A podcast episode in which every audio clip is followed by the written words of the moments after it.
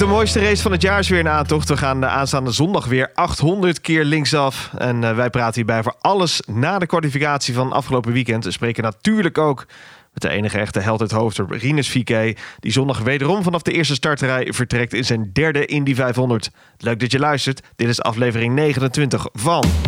Green, green, green, green. We're four wide going into turn number one.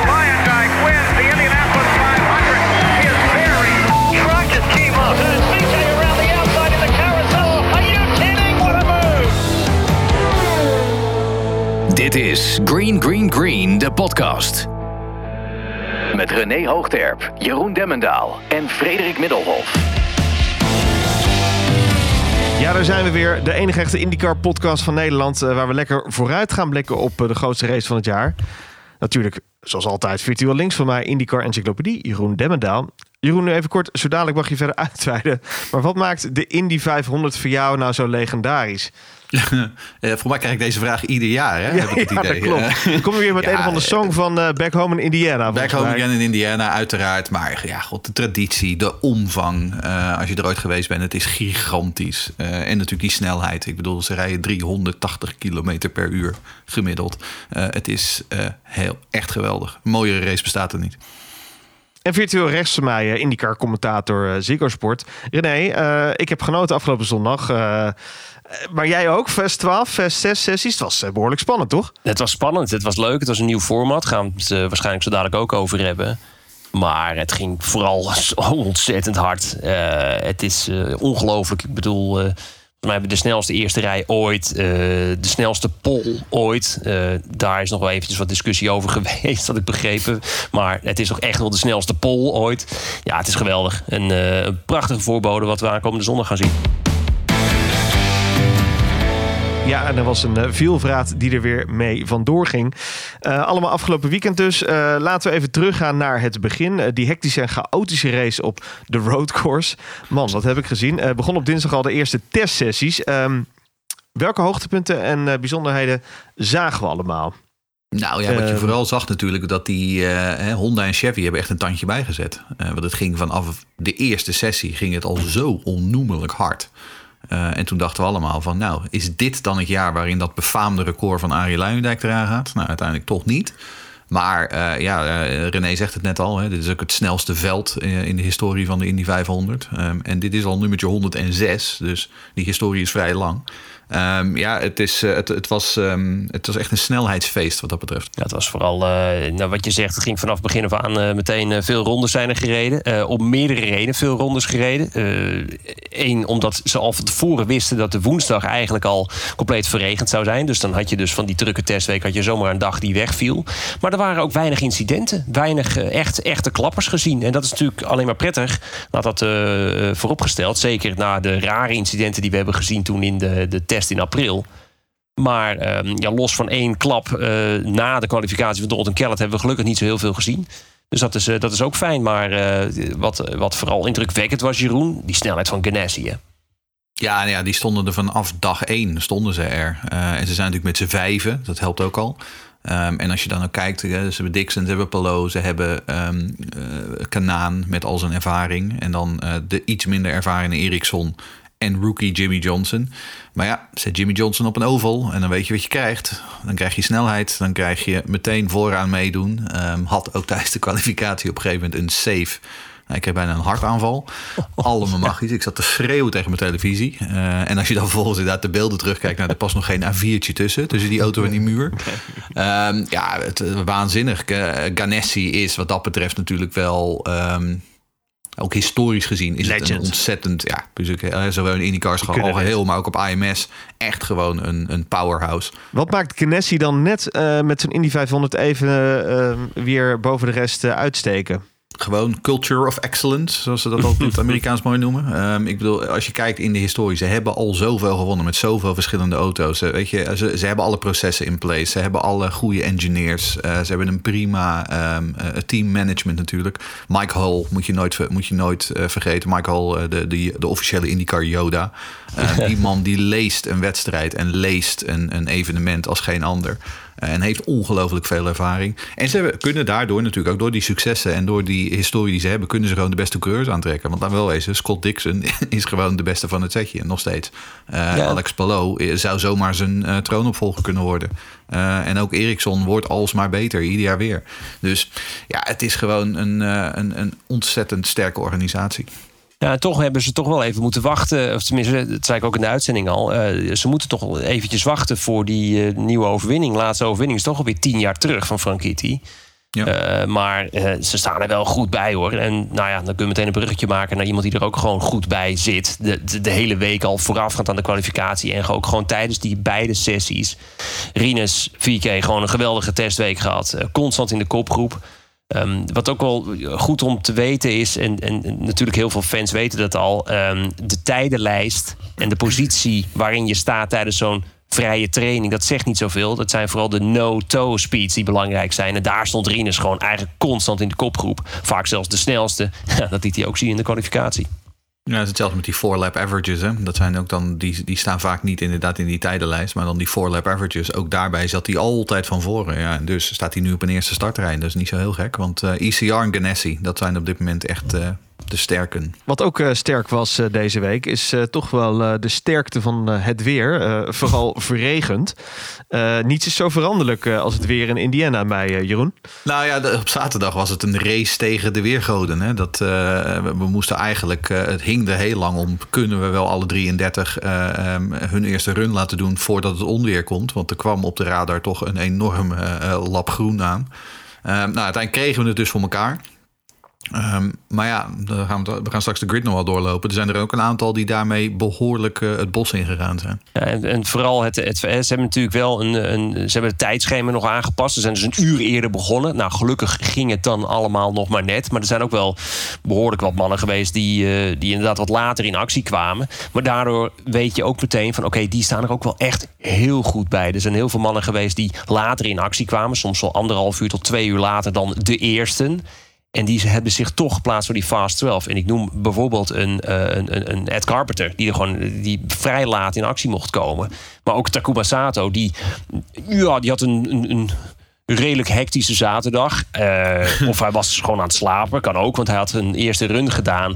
Uh, Marco Andretti, jouw vriend van de show, Frederik, die, die moest een run aanvangen. En Sato die vergat gewoon om naar de warm-up, naar de, de, de pitstraat in te sturen na zijn ronde. En dus moest Marco Andretti moest vervolgens zijn ronde afbreken. Had vervolgens ook technische problemen, dus oké, maar... Het feit is dat Sato, zijn tijd werd hem afgenomen als straf. Moest heel laat nog een keer in actie komen.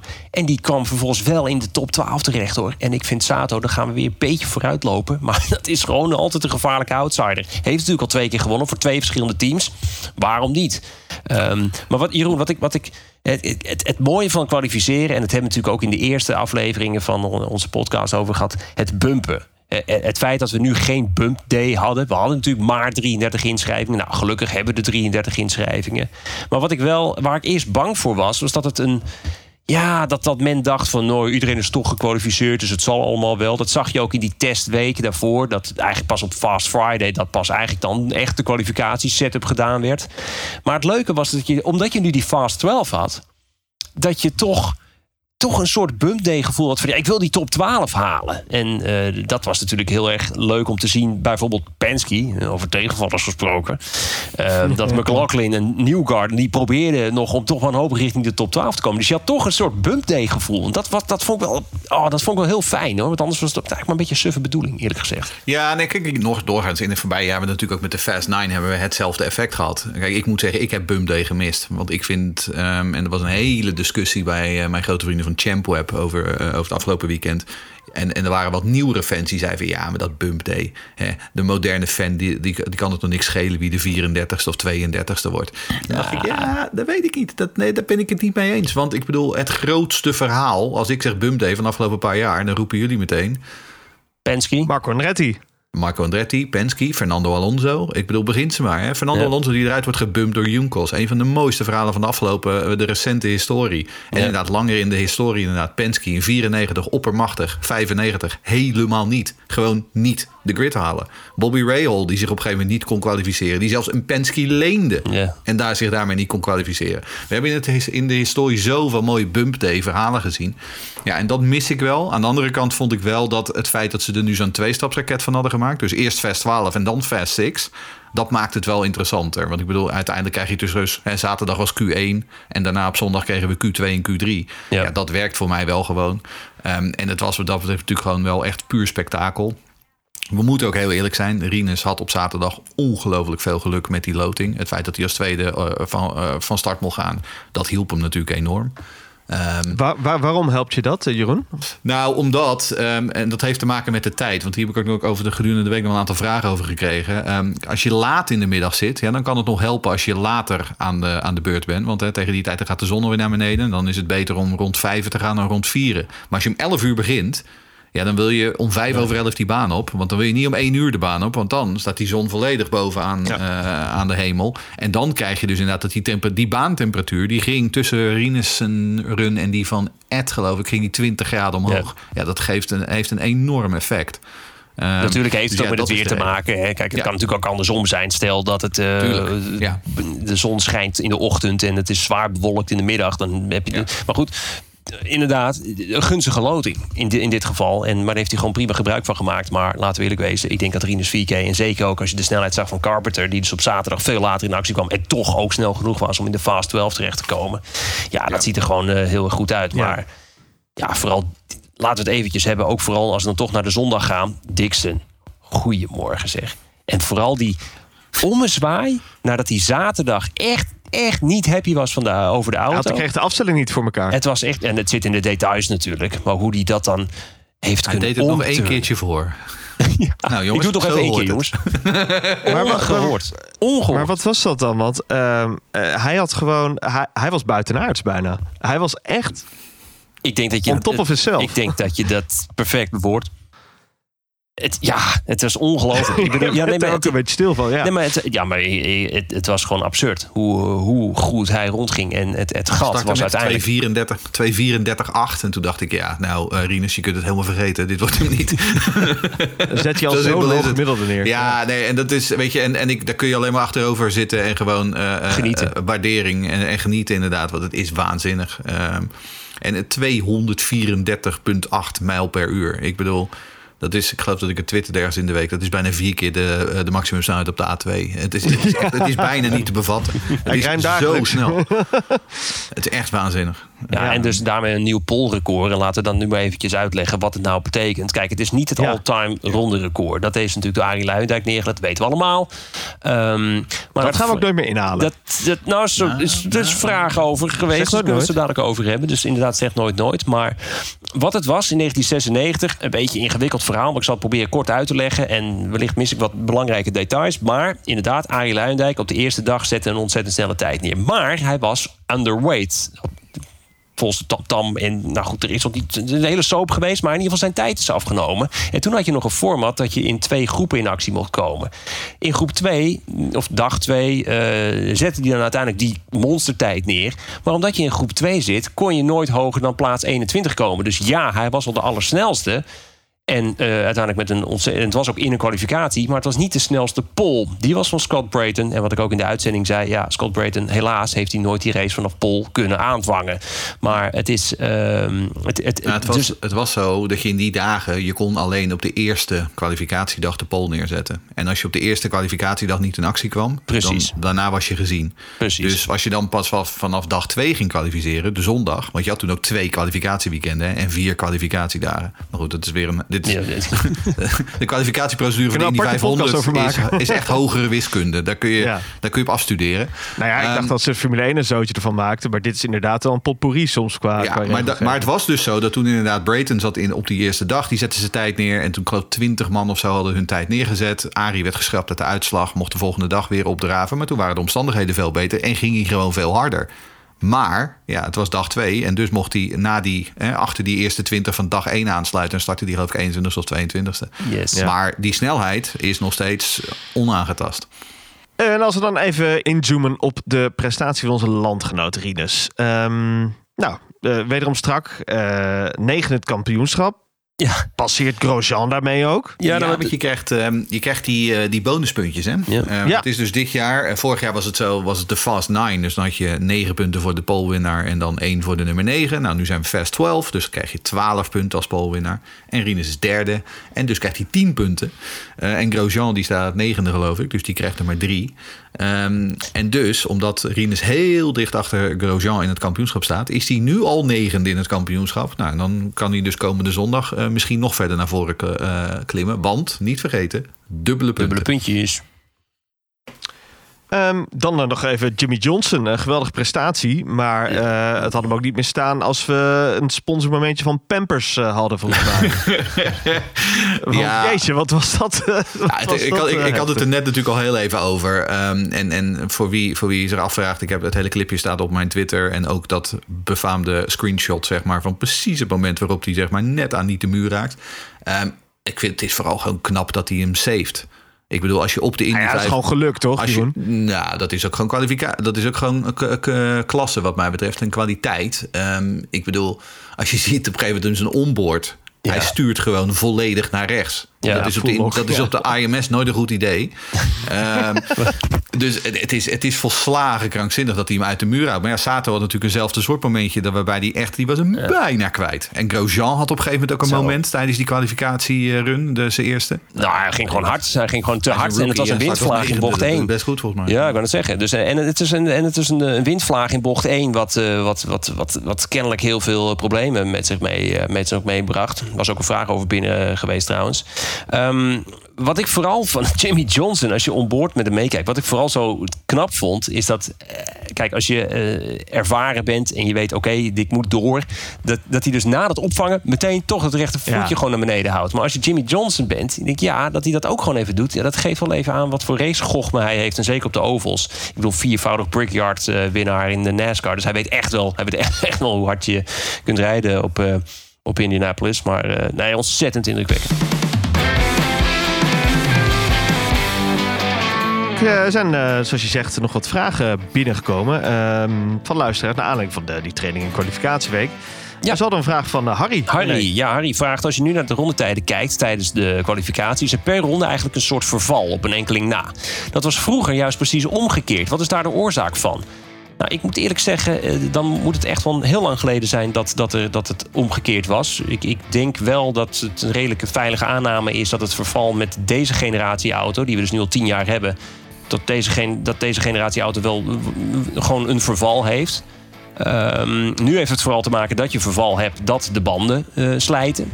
Eh, ze zijn zo eh, getrimd dat ze zo weinig downforce eigenlijk hebben... dat die banden eigenlijk best wel gescrubt raken. En die eerste ronde hebben ze nog heel veel grip. Tweede ronde gaat ook nog oké. maar wat ik ook in de uitzending zei... die derde ronde is vaak een sleutelronde. Omdat je en de banden, eh, die, die zijn echt niet meer zo lekker meer. En het momentum wat je in de derde ronde hebt... neem je ook mee in ronde nummer vier. Ehm, dus daarom is ronde nummer drie zo ontzettend belangrijk. Eh, ja, nou ja, die banden die doen het dus nu redelijk oké aan het begin. Ik kan me voorstellen, maar dan moeten we dus echt verder terug, eh, begin 2000s, dat de banden misschien nog op temperatuur moesten komen. En dat je daarom dus in die eerste ronde nog wat minder grip had en minder vertrouwen had. En dat hij daarna eh, wel op tempo kwam. Maar nu zijn die banden kennelijk zo dat, eh, dat ze meteen vanaf moment één goed grip leveren. En daarna eh, dan misschien wat wegvallen. Is mijn aanname. nog van eh, Ramon Kok, Jeroen. Ja, Ramon die zegt: ehm, Dit jaar is de snelste front row ooit. Zal de snelheid door de organisatie aan banden gelegd kunnen worden als het te snel wordt? Of was dit jaar zo snel door de condities van de baan en het weer? Eh, nou, we stipten het al heel even aan eh, in het begin van deze uitzending. Kijk, Chevy en Honda die zitten nu op echt de dit is de laatste, zo niet één na laatste eh, seizoen met deze motoren. Dus die halen er nog één keer echt het allerlaatste uit. Ehm, en die hebben gewoon toch wel weer ergens weer wat extra pk'tjes en wat extra kilometertjes gevonden. Ehm, er is een befaamd eh, eh, beeld van Sam Posey, die ooit een keer eh, begin jaren 90 in de AB, ABC-uitzending ging je uitrekenen, zeg maar van nou 1950 gingen we zo hard en nu 1990 gaan we zo hard. En dan Oh ja. waarschijnlijk ergens in 2030 gaan we gemiddeld 300 mijl per uur rijden. Nou, de- zover is het nooit gekomen. Wat ik wel denk, met de volgende generatie motoren, als we ook het hybride systeem erbij krijgen en we waarschijnlijk 900 plus pk gaan krijgen, want nu rijden ze met ongeveer 700 à 750 pk. Ja, dan zou het zomaar eens kunnen dat uiteindelijk eh, de snelheden nog verder omhoog gaan. Dus ik, ik denk het tegendeel zelfs. Want we hebben ook gerelateerde vraag van Michiel. Die vraagt dus inderdaad dat kwalificatierecord van Luindijk. Gaat dat er ooit nog eens aan? Nou, met deze generatie auto's zie ik dat niet direct gebeuren. Um, maar ik denk wel dat het met de volgende generatie zou dat zomaar uh, uh, eindelijk eens kunnen gaan gebeuren. En zouden we misschien die 240 eens aan kunnen gaan tikken. Um, hij wil ook weten wie de oudste polwinnaar ooit was. Um, om heel te zijn, ik heb geen idee, want dat wordt heel slecht bijgehouden. Uh, de oudste winnaar is, uh, dat houden ze wel goed bij. En dat is een gedeelde eerste plek, uh, plek tussen AJ Foyt en Al Unser Senior. Die waren allebei 47 toen ze hem voor het laatst wonnen. Dan uh, nog een vraag binnengekregen van Redé. Ja, Ross die vraagt eigenlijk waar we het net al over hadden. Hebben de IndyCars ook last van onverwachte windstoten, zoals te zien in de Formule 1? Dat lijkt me erg spannend om daar ook nog eens rekening mee te moeten houden als je 370 km per uur gaat. Ja, dat, uh, dat lijkt me inderdaad uh, vrij spannend. Uh, nou ja, dat was het dus ook wel in bocht 1. Volgens mij was, ik weet niet meer wie het was, in de Fast 12 zei ook een engineer van... hé, hey, we hebben toch wat last van, van een windvlaag daar. En uh, ja, dan kun, dan, dan kun je rekening mee houden. Die wind, de windsocket die bovenop de, de, de, de, de, de, ja, het scorebord staat. Die, uh, die, die hangt er niet voor niks. Dat is puur voor de rijders om te kijken van oké, okay, hoe staat de wind? Uh, en is die vooral gewijzigd ten opzichte van de ronde daarvoor? En dan kun je je toch weer dingen aanpassen met je weightchecker, met je anti-rollbars. Want het luistert allemaal zo ontzettend nauw. En vooral in zo'n kwalificatierun. Kijk, in, in een race dan zit je toch al constant te tweaken in de vuile lucht. Dus dan, dan verwacht ik wat minder, minder problemen met onverwachte windstoten. Maar als je zo on edge zit uh, in zo'n kwalificatierun, is dat heel erg spannend. Absoluut. En we hebben nog een vraag binnen van uh, Niels de B. Ja, Niels de B die vraagt: Denken jullie dat dit een gevecht wordt tussen Ganassi en ICR? Of dat bijvoorbeeld een Andretti of zoiets voor een verrassing kan gaan zorgen? Of Sato? Um, ja. Nou ja, we gaan zo meteen ja. de grid uh, in detail doornemen. Um, er zitten altijd verrassingen. Want hè, een kwalificatie, dat is heel mooi. Dat is vier rondjes. Maar die race is 200 rondjes. Die duurt veel langer. En dan kan je veel meer. Je kunt ook een auto. Dat was Rick Meers, die deed dat vroeger altijd. Die begon altijd met een kwalificatieauto. Dus die viel ook altijd standaard weer een paar uh, plekken terug als die van start ging. Um, en dan vervolgens gedurende de wedstrijd begon hij langzaam maar zeker zijn auto af te stellen. En dan werd hij steeds beter. Uh, en uiteindelijk aan het einde van de rit had hij een, uh, een ding wat op rails reed. En zo werd hij vier keer in die 500 winnaar. Um, dat ga je ook, moor, dat ga je ook uh, aanstaande zondag weer zien. Er gaan rijders zijn die in het begin gewoon niet lekker gaan. Maar die naarmate de race vorderen steeds verder naar voren komen.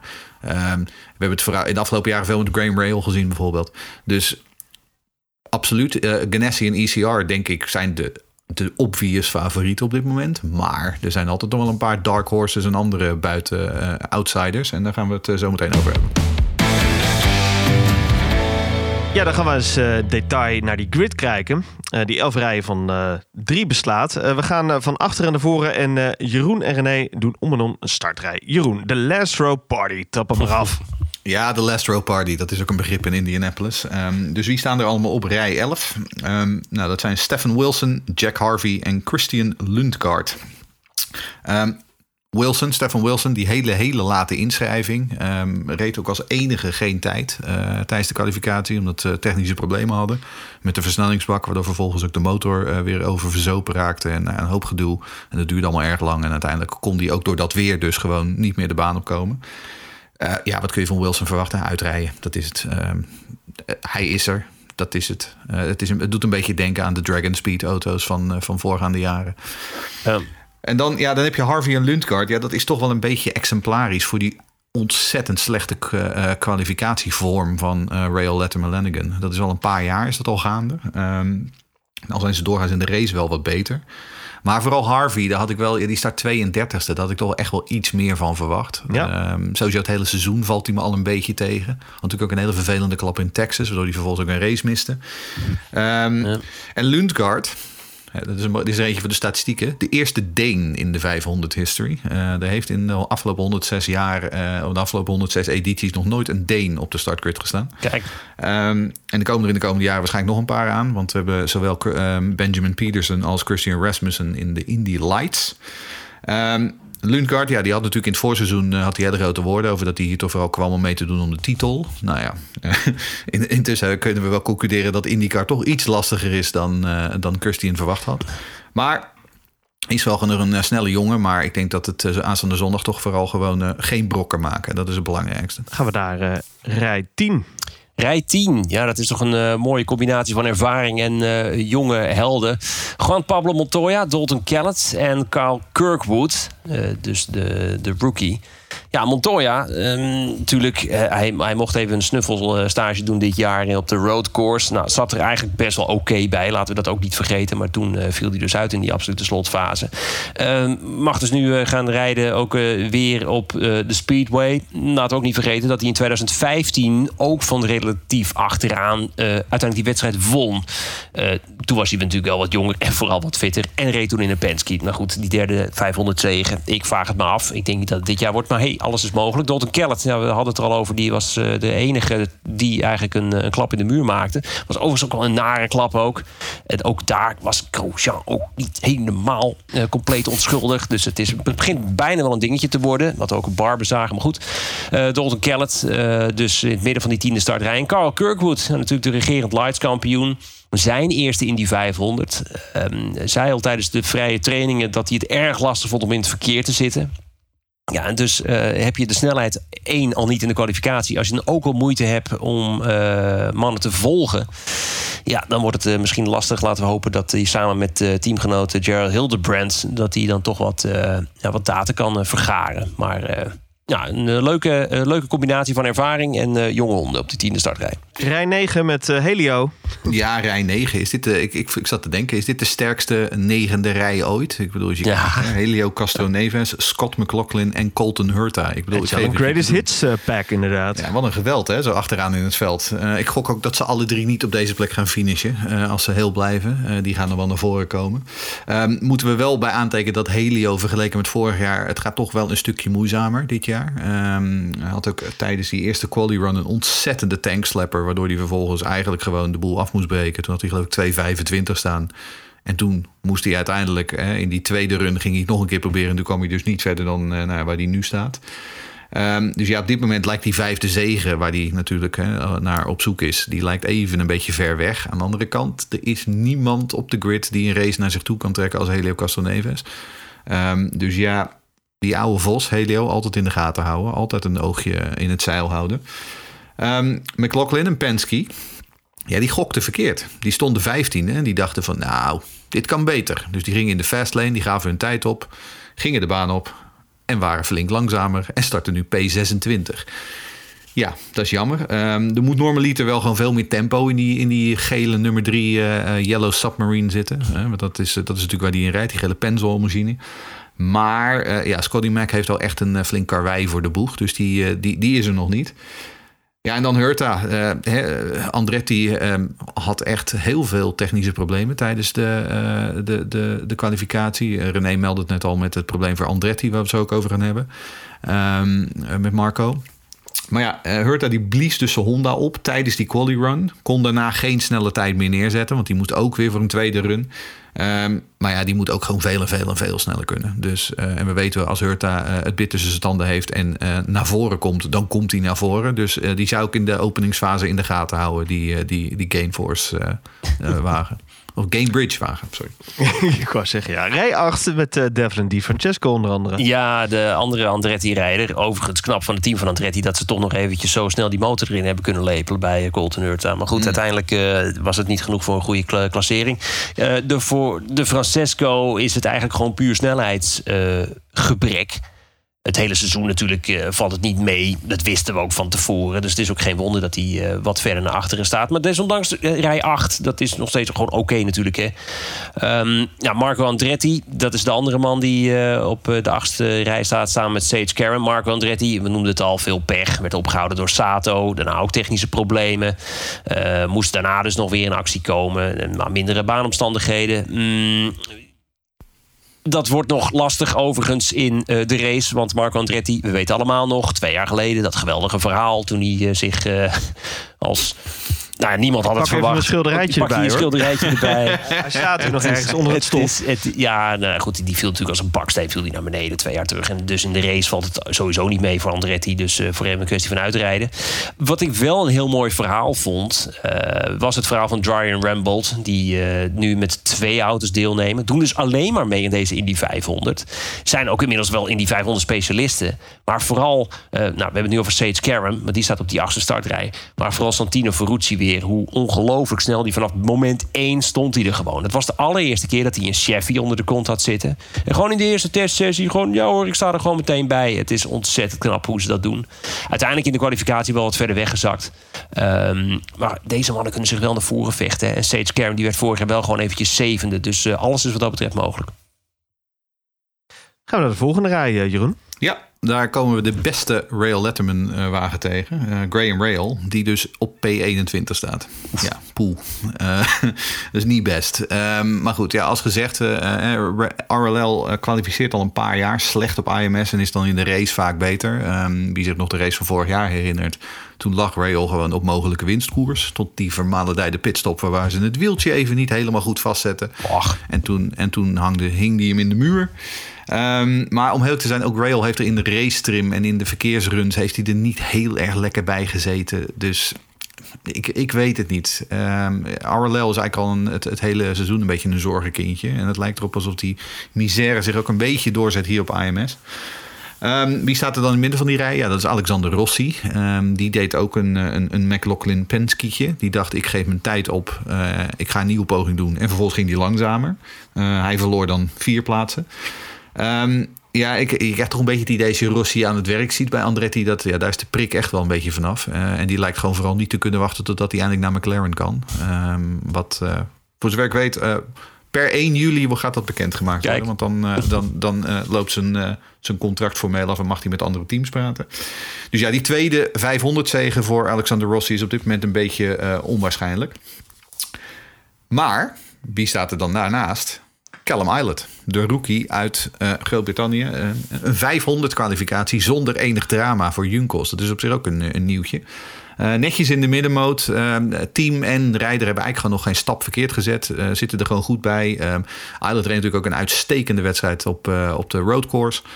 Zitten gewoon lekker in hun schwung. Ze hebben vandaag net een, een nieuwe hoofdsponsor voor de race bekendgemaakt. Ehm, ja, de motivatie is hoog bij eh, wat ik altijd graag noem het Telstar van de IndyCars.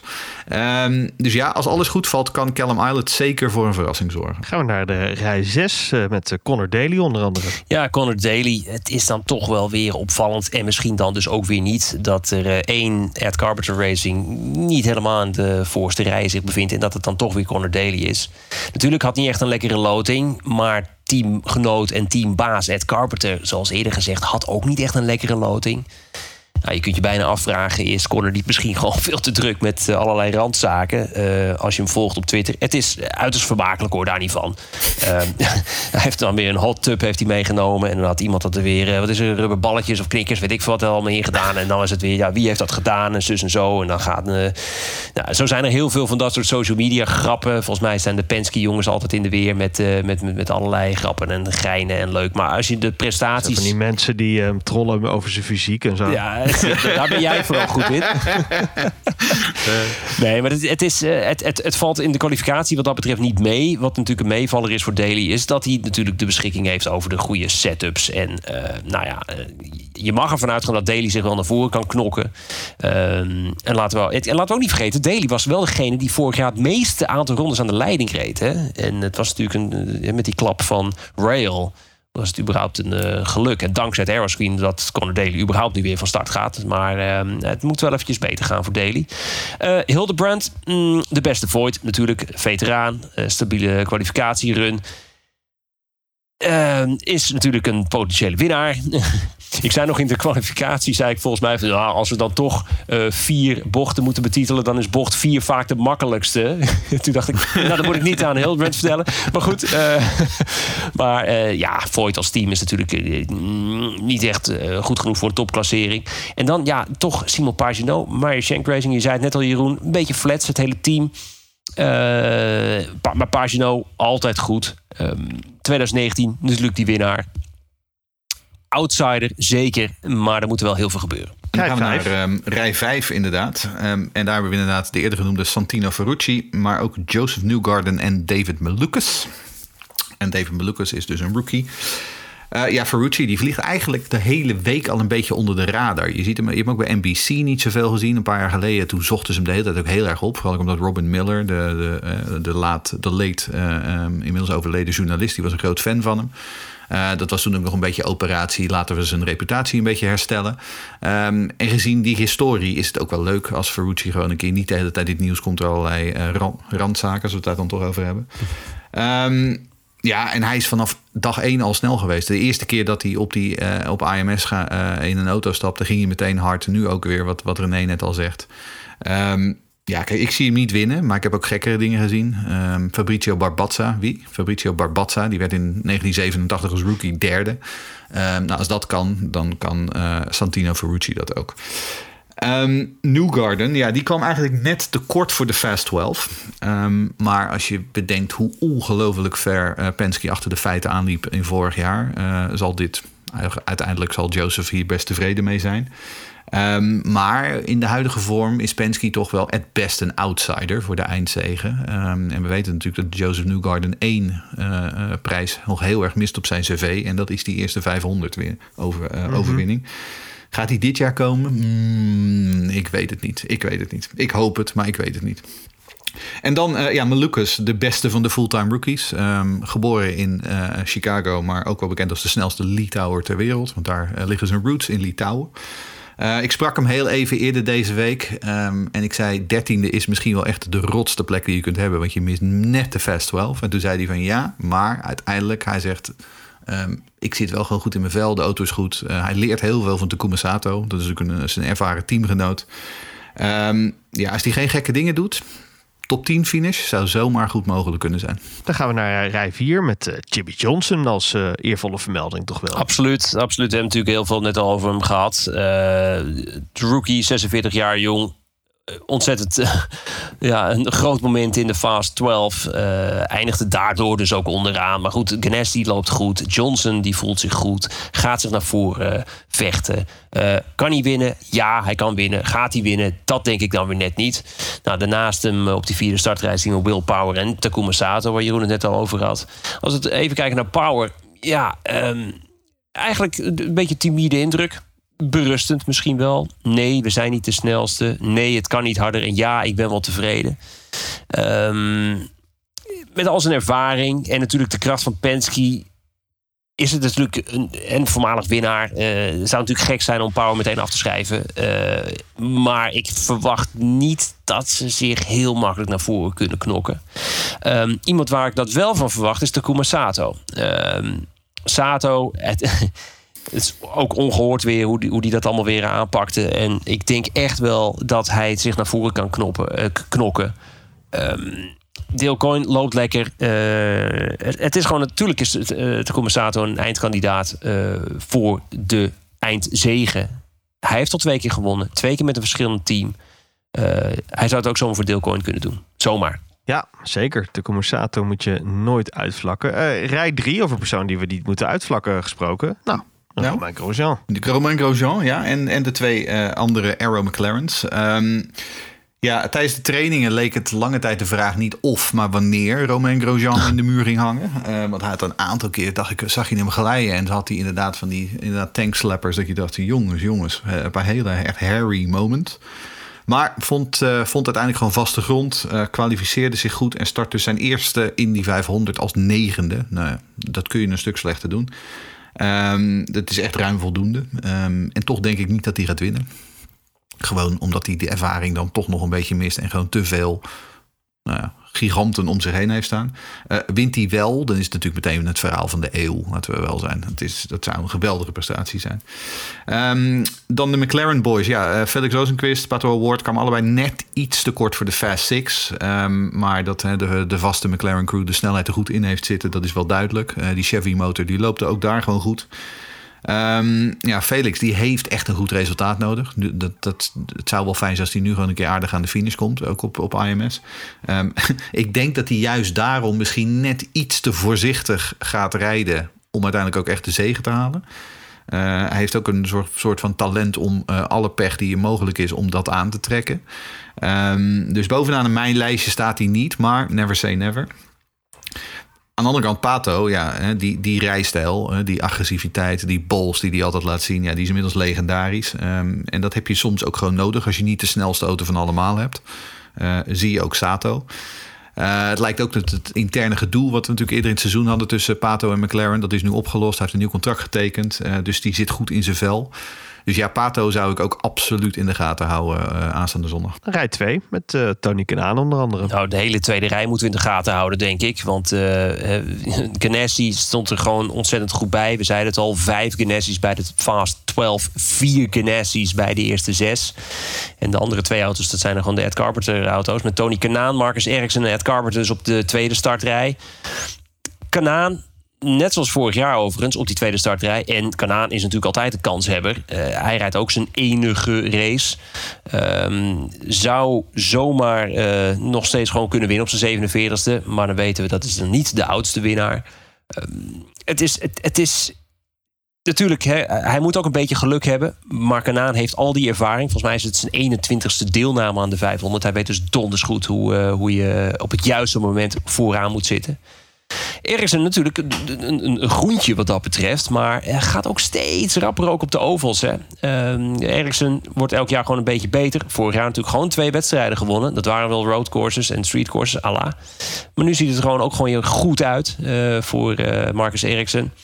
Het is, uh, het, voor Ganassi heb je gewoon zoveel mogelijkheden. Uh, vooral in die eerste, moet ik wel meteen zeggen, vooral de eerste 180 rondes of de eerste 150 rondes. Dan hebben ze lekker wat mogelijkheden om tactisch wat uit uh, elkaar een beetje te helpen. De laatste 50 tot 30 rondes, dan is het gewoon hier voor zich natuurlijk, laat het duidelijk zijn. Ed Carpenter ja, staat er gewoon weer goed bij. Maar ook wederom is het Rinus Vieke, die dus voor hem staat. Blijft jagen op die eerste 500 zegen. Uh, natuurlijk is het publiekslieveling, naast Tony Kanaan natuurlijk, uh, Ed Carpenter, de, de homeboy, uh, Indiana boy. niet zou hem blij maken als hij eens een keer een 500 zegen gaat, gaat behalen. Want de man leeft voor de Indy 500. Hij was vaak dichtbij en ook dit jaar is hij een van de voornaamste kanshebbers. Maar hij moet ook eventjes meezitten voor Ed Carpenter Racing. En daar weet Rinus Vieke ook alles van. Ja, spreken over uh, Rinus 4K. Op rij 1 uh, mag hij de dans uh, opvoeren. Ja. De derde startplek. 21 jaar, 3 500 deelnames. Gemiddelde startplaats 3,3.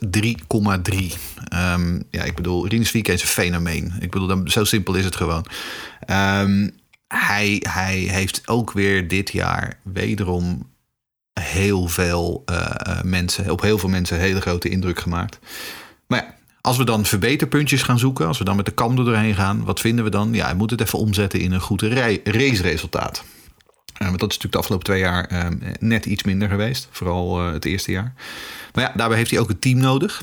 Um, want ook hè, qua pitstops viel het in het verleden niet altijd even mee. Maar wat hebben we dit seizoen gezien? Dat die pitstops bij ECR toch eigenlijk gewoon best wel goed zijn. Um, dus wordt dit het jaar van Rinus 4K? Nou, dat gaan we hem zo meteen vragen. um, en wie staan er dan vooraan? Nou, we hadden het al aan het begin van de show over Alex Palou en Scott Dixon. Um, ja, Palou, die sluipmoordenaar van Ganassi. Um, je ziet hem eigenlijk nooit. Het is bijna nooit spectaculair, maar het is wel altijd uiterst effectief.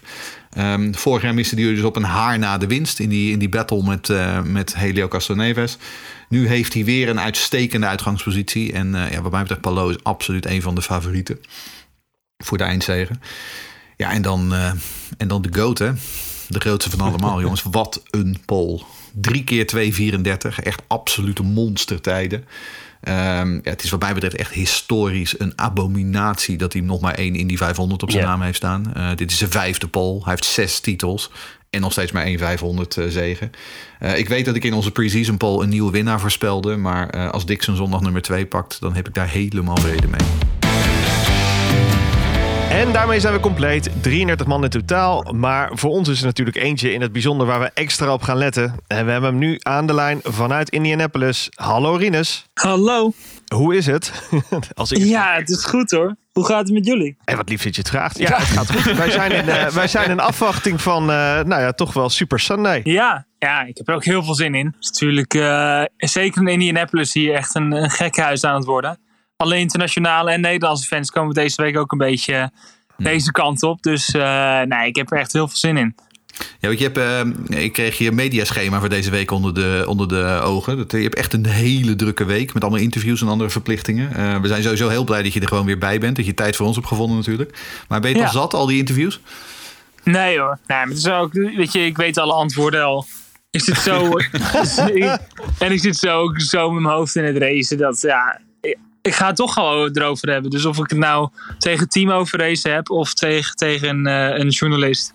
Ja, mij maakt het niet uit. Maar wij zijn je vrienden van de Green, hè, dus daar kun je het altijd. Ja, dat eh, weet ik. Nee, dat journalisten. Nee. Eh, natuurlijk bakken met vragen van onze luisteraars. Dus laten we gelijk van wal steken. Eerst maar eens even over die kwalificatie. Paul van der B vraagt: Was de derde, stek, derde starter het hoogst haalbare? Of voelde het alsof er meer in zat? Ja, voor mij was de derde plek toch wel echt het hoogst haalbare. Eh, ja, dus als je ziet, Scott Dixon, die, eh, ik weet niet wat voor eh, raketbrandstof die in zijn motor heeft, in, ja, die die heeft gebruikt. Hij ging echt, die is dat gewoon echt op een ander niveau. Ehm, Zat, zat jij ook ja en amen te zeggen van oh, gewoon wel respect, hoe die dat deed? ja, ik, ik stond ook met mijn mond open te kijken hoor. Ik denk dat niemand dat had verwacht. En ja, ik, ik weet niet of, het, of, het, eh, of ze het met Honda iets extra eruit hebben kunnen halen. Of, eh, Oh, ja, dat ik hij hem zo hard maar- getrimd had, dat hij, dat hij nog iets Ja, maar wij waren ook al heel agressief getrimd. Ja. En ja, ik denk als ze hadden onze vleugels het gewoon afgehaald, hadden we nog steeds niet zo hard gegaan. Volgende vraag dan van, van Arnoud Lipman. Eh, die wil vragen wat meer weten over de, eh, de wayjacker, de rollbars, je tools tijdens zo'n, tijdens zo'n kwalificatierun. En hij vraagt wat is de lastigste afstelling om te maken als je aan het kwalificeren bent? Ehm, en Ehm. van al die dingen die je zelf aan kunt passen. En hoe zit En dat leg dan ook in de nog race? even uit wat zo'n weightjacker precies doet, eh, Rinus. Want niet iedereen weet dat, denk ik. Ja, een wayjacker is zeg maar de crossweight van de auto. Dus zo kan je zeg maar eh, meer gewicht van links naar rechts verplaatsen van de auto. En zo verandert ook de balans. Ehm, die kan ik alleen tijdens de kwalificatie niet gebruiken. Omdat we die een andere functie geven. Die kunnen we zeg maar helemaal inklappen of ehm, strak zetten, zeg maar, die wayjacker. En dan kan ik het, het gewicht op mijn achterbanden zetten. Dan ga ik harder op het rechte stuk. Precies. Dus die kan ik alleen daarvoor gebruiken dan. Eh, dus ik doe het met de bars, met eh, de anti-rollbars. En ja, het is heel veel aanvoelen. Ehm, op een speedway heb ik geleerd, als je geen onderstuur hebt, is dat eng. dus eh, moet je eigenlijk, ja, kan je er wel van uitgaan dat, dat je de volgende bocht, dat de, achterkant los zou kunnen zijn. Dus je moet heel veel vooruit denken en eh, ja, heel actief met de bars bezig zijn. Zeker met de wind die we ook hadden eh, op zondag. Moest je van bocht, bocht 3 en bocht 1 eigenlijk een hele andere settings met de bar eh, eh, aanhouden. Dus je moet best wel, best wel actief daarmee bezig zijn. En ik denk dat daar ook heel veel tijd mee te winnen en te verliezen valt. Ja, Arjen, eh, ja, dankjewel. eh Arjen Arends die vraagt met de kwalificatie heb je laten zien dat de snelheid er is. Maar hoe zit dat dan in de race? Hoe zijn de longruns? Heb je daar vertrouwen in? Daar heb ik heel veel vertrouwen in. Misschien nog wel meer dan een kwalificatie. Eh, we hebben op maandag hebben we de eerste, de eerste training gehad. eh, na de kwalificatie. En ja, ging heel goed. Die ging echt heel goed. Lange runs gedaan met vol brandstof, nieuwe banden en eh, gewoon een volle stint gedaan. We waren echt, echt heel sterk. Eh, de Kinesi's hebben niet echt op raceruns gefocust. Dus daar hebben we jammer genoeg niet mee kunnen rijden. Maar wie ik ook tegenkwam op de baan, eh, kon ik gewoon makkelijk inhalen. En ik denk dat de beste indicatie van hoe goed je bent in het verkeer is hoe dicht je achter iemand kan blijven volgen. En ik kon binnen twee, drie autolengtes blijven van iemand voor me. Waar vorige week het vier, vijf autolengtes waren. Dus ik denk dat we wel echt, eh, ja, wel echt eh, alles goed voor elkaar hebben nu. Nog een eh, vraag van eh Westie Willemsen. Een soort gelijke vraag. Hoe zijn de banden in racetrim? Want in Texas had ECR hier iets meer last van dan anderen. Klopt. Ehm, ik heb eigenlijk geen, geen last hier gehad van de banden. Ik denk dat de pitstops in Indianapolis toch wel meer aan de hand van brandstof eh, staan. Eh, als, je, ja, als je heel veel brandstof kan sparen, kan je echt nog wel een paar eh, extra rondes doen. Dus banden zijn niet echt een probleem hier. Maar ik was met Ed aan het praten en die heeft wel iets meer last gehad van bandendegradatie dan ik gisteren. Vraag nog van Monique Bormans, Jeroen. Ja, Monique die wil weten, hier heb jij weinig ervaring mee, maar die zegt als je niet op de eerste startrij staat, ehm, bereid je je dan anders voor qua strategie in vergelijking met als je verder naar achteren staat? Eh, normaal wel. Eh, ik denk dat het hetzelfde is op eh, op de Oval, Indianapolis 500 of op een, eh, op een roadcourse, moet je altijd wel een manier, vinden om uit het verkeer te gaan en, en een undercut of een overcut te kunnen doen. Dus ik denk dat er wel dat Connor een andere strategie gaat doen dan Ed en ik. Ja. Even aanvullend erop, een, eh, een scherpe strategievraag van Hidde. Die zegt terecht, we hebben heel weinig crashes gezien in de trainingen. Gelukkig. Ehm, is dat geluk of is de huidige auto misschien wat beter op te vangen dan ooit? En gaan jullie dus in de race er ook vanuit dat er een kleinere kans is op cautions voor strategie? Ik bedoel, vorig jaar hadden we ook maar twee neutralisaties. Ja, ehm, nou, ik denk nu toch wel dat eh, alle teams het zo goed voor elkaar hebben. Dat alle auto's zo. Alle auto's zijn gewoon snel bijna. Eh, behalve de Rahals dan. Maar die, ehm, die kunnen toch wel. ehm, als je de handeling van de auto goed is, dan, dan kan je natuurlijk eh, nou, gewoon met meer vertrouwen rondrijden. En ik denk dat er in het verleden toch wel echt. eh, nou, gewoon teams waren die het echt niet voor elkaar hebben gehad. Eh, en dat daarom daar die jongens gewoon echt, echt op de limiet zaten de hele race. En dat wil je natuurlijk niet. Eh, en nog meer over de strategie van eh, Arno Mollema. Hij zegt, volgens mij kan je het beste in de eerste drie kwart van de race tussen plaatsen 5 en de 10 zitten. Hoe zien jullie dat? Of kunnen jullie ook op kop rijden, ondanks dat je dan volgende wind rijdt? Ja, natuurlijk op kop rijden gaat wel benzine kosten natuurlijk. Gelukkig heb ik een teammaat in Ed, waar ik wel, als we z'n tweede rijden, kunnen we wel slim eh benzine sparen samen. Dus eh, ik denk dat het wel belangrijk is dat je binnen de top 5 blijft. Eh, tijdens de hele race eigenlijk. Tijdens het eerste, eerste ja, twee derde van de race. Het is natuurlijk eh, met al die dirty air. Als je, als je 10, 15 auto's voor je hebt. Is het zo moeilijk te rijden. Heb je zo weinig grip. Eh, zoveel minder grip dan dat er maar twee, drie auto's voor je rijden. Hey, en eh, Martin die vraagt dan een beetje gerelateerd eraan. Vorig jaar deed je natuurlijk een beetje dat stuivertje wissen met Connor Daly ook vooraan. Ehm, heb je, hebben jullie nog extra lessen van vorig jaar qua strategie? Eh, over dit kunnen we dit jaar beter doen in de race. eh, en wel iets wat we echt geleerd hebben van vorig jaar? Ehm, ja, ik denk toch wel niet, niet constant op kop gaan rijden. Dat, eh, dat was natuurlijk heel gaaf vorig jaar. en het is heel speciaal. Alleen eh, ja, die ronde stellen niet. Dus ik denk dat we wel eh, iets, iets rustiger aan doen en iets meer onze kaarten gaan bewaren voor het eind. Eh, ja, ik denk voor, eh, voor de rest van deze, als, als ik even aan de leiding kan, kan rijden en we kunnen het toestaan, ja, waarom niet? Maar ja, natuurlijk eh, ligt mijn focus toch wel op de, op de laatste ronde. Ik krijg een eh, vraag binnen ook van Thijs Barendrecht. Hij vraagt zich af, merk je nou dat je in de paddock meer respect krijgt dan eh, in je eerste jaar Indy? Ja, ja, veel meer. Ehm, ik merk toch ook wel dat ik wel one of, one of the guys word. Eh, het is ook wel geaccepteerd hoe ik rijd en eh, hoe, ja, dat ik gewoon snel ben en dat ik gewoon niet weinig ruimte voor anderen laat. Dus eh, iedereen weet het ook van me. En eh, ja, ik word echt gewoon goed geaccepteerd. Er is ook, ik vind ook in het IndyCar paddock is er heel veel, heel veel respect onderling. Hey, ehm, Matthijs die heeft een hele belangrijke vraag. Want natuurlijk aanstaande zondag hebben we ook weer die pre-race eh, festiviteiten. Gaan we dan jouw befaamde spinning move weer zien? Ja, tuurlijk. Tuurlijk. Die kan ik natuurlijk zeker met de driver intro van Indy 500. Kan ik die niet, eh, kan ik die niet overslaan. Peter die vraagt, en dat is een hele mooie gewetensvraag. eh Rinus, wat heb je liever? Een Indy 500 overwinning of minimaal twee titels? Ik denk dat ik het antwoord weet. Zo. ehm, Is die moeilijk? ik vind het best wel, ja. Ik denk toch wel misschien twee titels. Oh ja? Toch wel twee titels. Eh, kijk, voor de Indy 500 overwinning moet je ook, moet je ook geluk hebben. Om die race te kunnen winnen. Eh, alles moet kloppen. Ik denk als je een titel. Als je twee titels wint of meer, dan is dat toch wel. eh, dan laat je zien dat je constant gewoon de beste bent. Dus eh, Ja, als ik, ik kan ook gewoon eerst twee titels winnen en daarna de Indy 500. Ja, tuurlijk joh. Ik wil zeggen, zeg, Maar- je nou dat Mario, zeg je nou dat Mario Andretti niet constant de beste was? Zeg je dat nou? Nee, nee, nee. Maar Oh.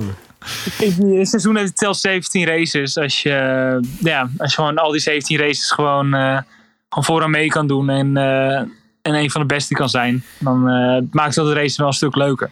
Maar Rinus, dit is allemaal heel leuk en analytisch. Maar als jij eh, zondag gewoon wint die, eh die 500 joh. en je, gooit die melk over je heen, is het toch gewoon endgame? Is gewoon klaar, toch?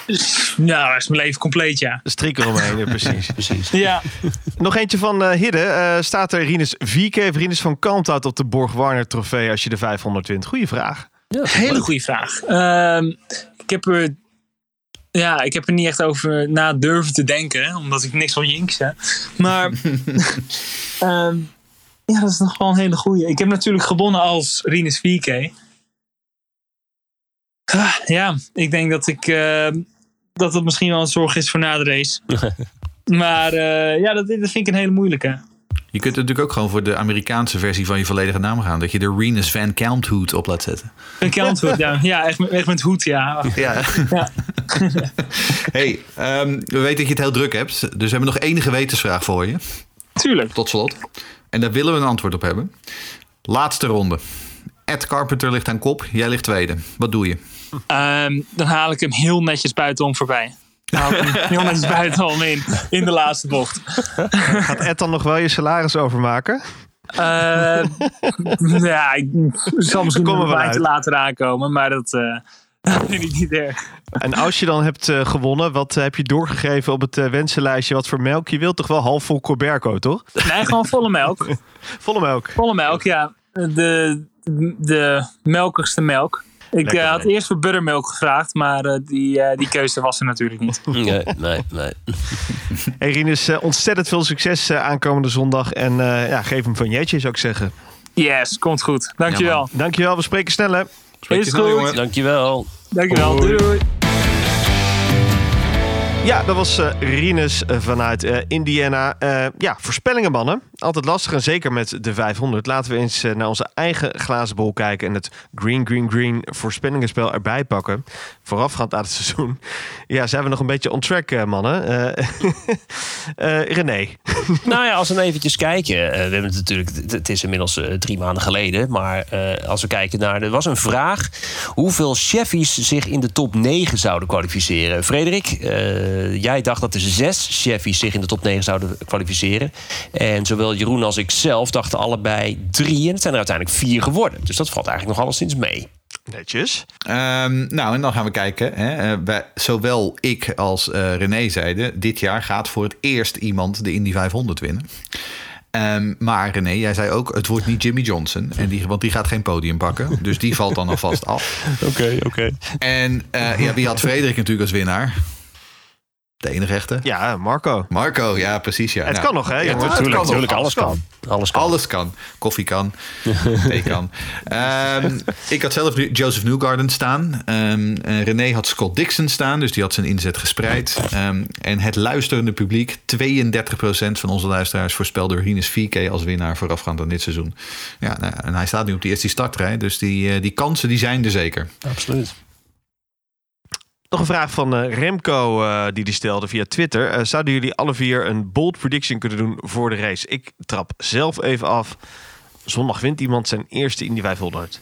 Nou ja, Ja, ja. Ja, nou, ik, blij, ik, ik, ik zie dus nu inderdaad dat ik kennelijk Scott Dixon had gezegd. Nou, daar ben ik best happy mee. ja, best goed. Maar als ik een bold prediction ga doen, dan ga ik gewoon Sato erin gooien. ja, Waarom niet? dat is zeker een bold prediction. Jeroen? Jeroen? Mm, ik denk dat er een een of andere hele rare fuel call gaat komen. En dan een caution 5 ronde voor het einde. En dan eh, wint David Malukas zijn eerste Indy 500. Oh, wauw. Dat is, eh, dat is eh, ook eh, heel bijzonder. Zoals James Davis Ehm, hem in 2018 had kunnen winnen, toch? Zo Exact, eentje. ja. Of eh. Bertrand Baguette Oh, in ja. eh, 2011. ja, ja, ja, ja, ja. Die kwam vijf ronden tekort hè, aan, eh, aan benzine. Nou, en, en, maar Davis toch ook drie, vier rondes of zo? Ja, en Samen met... Hildebrand. eh, ja, en Hildebrand in 2011 was ook een rookie. Hè? Ja, dat is waar. Ja, ja, ja, ja. Die was één bocht verwijderd. Van ja wat de- gebeurde er toen, eh, Jeroen? Oh, dat weet ik niet meer. Iets, eh, iets met een muur. Oei, ai, ai, ai, Even Charlie Kimball vragen. ja. Ja, precies. Die weet het nog wel. Eh, goed, ja, nou, als ik er nog even een laatste, Ja. last minute voorspelling mag doen... om het toch nog even te wijzigen. Eh, Tony Kanaan zou ook wel zo'n outsider Zo, kunnen zijn. dat zou de, mooi de, de zijn, sluwe, sluwe oude Vos. Ja. Op zijn 47ste. Voor, hoe oud hij is. Jij zei 47. Daar is Maar, niemand, nou, daar is respect. niemand zal er ontevreden mee zijn als Kanaan wint. Nee. Hij heeft in elk geval veel ervaring onder de seatbelt. Dus eh, nou ja, we gaan het eh, helemaal zien. Tot slot dan, eh, met uitzondering van Jeroen, gaan we allemaal naar Ziggo kijken aanstaande zondag. Eh, ja, wat kunnen we vanuit Ziggo verwachten, René? Ja, toevallig heb ik daar vandaag even een belletje over gehad. Ehm, het, het leuke is, het is Super Sunday, zoals ze dat noemen. Natuurlijk hebben er schijnt ook een Formule 1 race te zijn die middag. Uh, is vanuit, de, vanuit die uh, nabeschouwing gaan we naadloos door naar de voorbeschouwing van de Indy 500. En Op het hoofdkanaal van op het hoofdkanaal, ja zeker, ja zeker. En wat ook leuk is, uh, Rick Winkelman is erbij als pitreporter. En als het goed is, heeft hij ook een cameraman bij zich. Dus we kunnen ook gewoon live schakelen. En dus kunnen we elke, bijvoorbeeld elke pitstop van Rinus VK... waar de World Feed misschien denkt, nou ik pak wel even iemand anders... kunnen wij die wel in beeld pakken. Dus dat is heel erg gaaf. Dus ik heb er ontzettend veel zin in. Dus het wordt, wordt heel leuk. En Robert Ja, keuze. natuurlijk weer naast me. Een goede keuze ook, Rick Winkelman. Absoluut. Echt, eh, schat Ja. aan ervaring. Dus, eh, Absoluut. prima, goede, Ja. goede call. Heel leuk. En Jeroen, jij zit eh, met bier en hapjes klaar voor de tv? Eh, ja, ongetwijfeld. Eh, ik moet nog inkopen doen, maar dat komt eh, komend weekend wel. Eh, Er zullen een paar kratten worden ingeslagen. ja, en dan, dan weet ik nog niet of ik, of ik NBC aanzet of, eh, of hier via Play. Maar ehm, sowieso, ik, via Play commentaar is altijd goed. Dus ehm, ja, ik heb er, ik heb er Wie, ontzettend wie doet dat in Zweden? Eh, dezelfde als die de Formule 1 doen. Eh, Ah, oké. Dus je hebt Jan, Janne Bloemquist en eh, meestal Rickard Riedel en eh, Björn Weertheim. Dus Maar die hebben dus een dubbele shift die dag.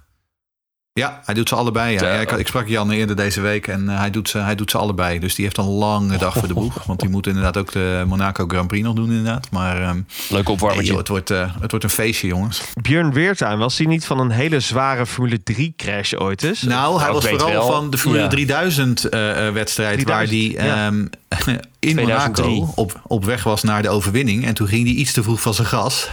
Oh ja, dat was hij. En toen verloor hij de wedstrijd. Ja, in, in, in het Arden van Christian Horner. Ja, zijn naam eh, die staat me zeker bij, maar niet, eh, niet louter Ja. posten. Maar hij reed ook een aantal jaren Champcar nog. eh, in, die, Ja. in die late jaren van, eh, van de Champcars. Dus ja, nee, is een heel, heel, goed, heel goed trio. Die drie jongens die weten ontzettend veel. Goed, goed commentaar. Kortom, eh, wij zijn er weer allemaal bij. Dit weekend het mooiste autosportfeestje van het jaar. De 106e editie van de Indianapolis 500. Heel veel plezier vast met kijken. Houd natuurlijk onze socials in de gaten via het Indie Podcast NL. Mannen, dank allemaal hier aan de virtuele tafel. Jij bedankt voor het luisteren en graag tot snel.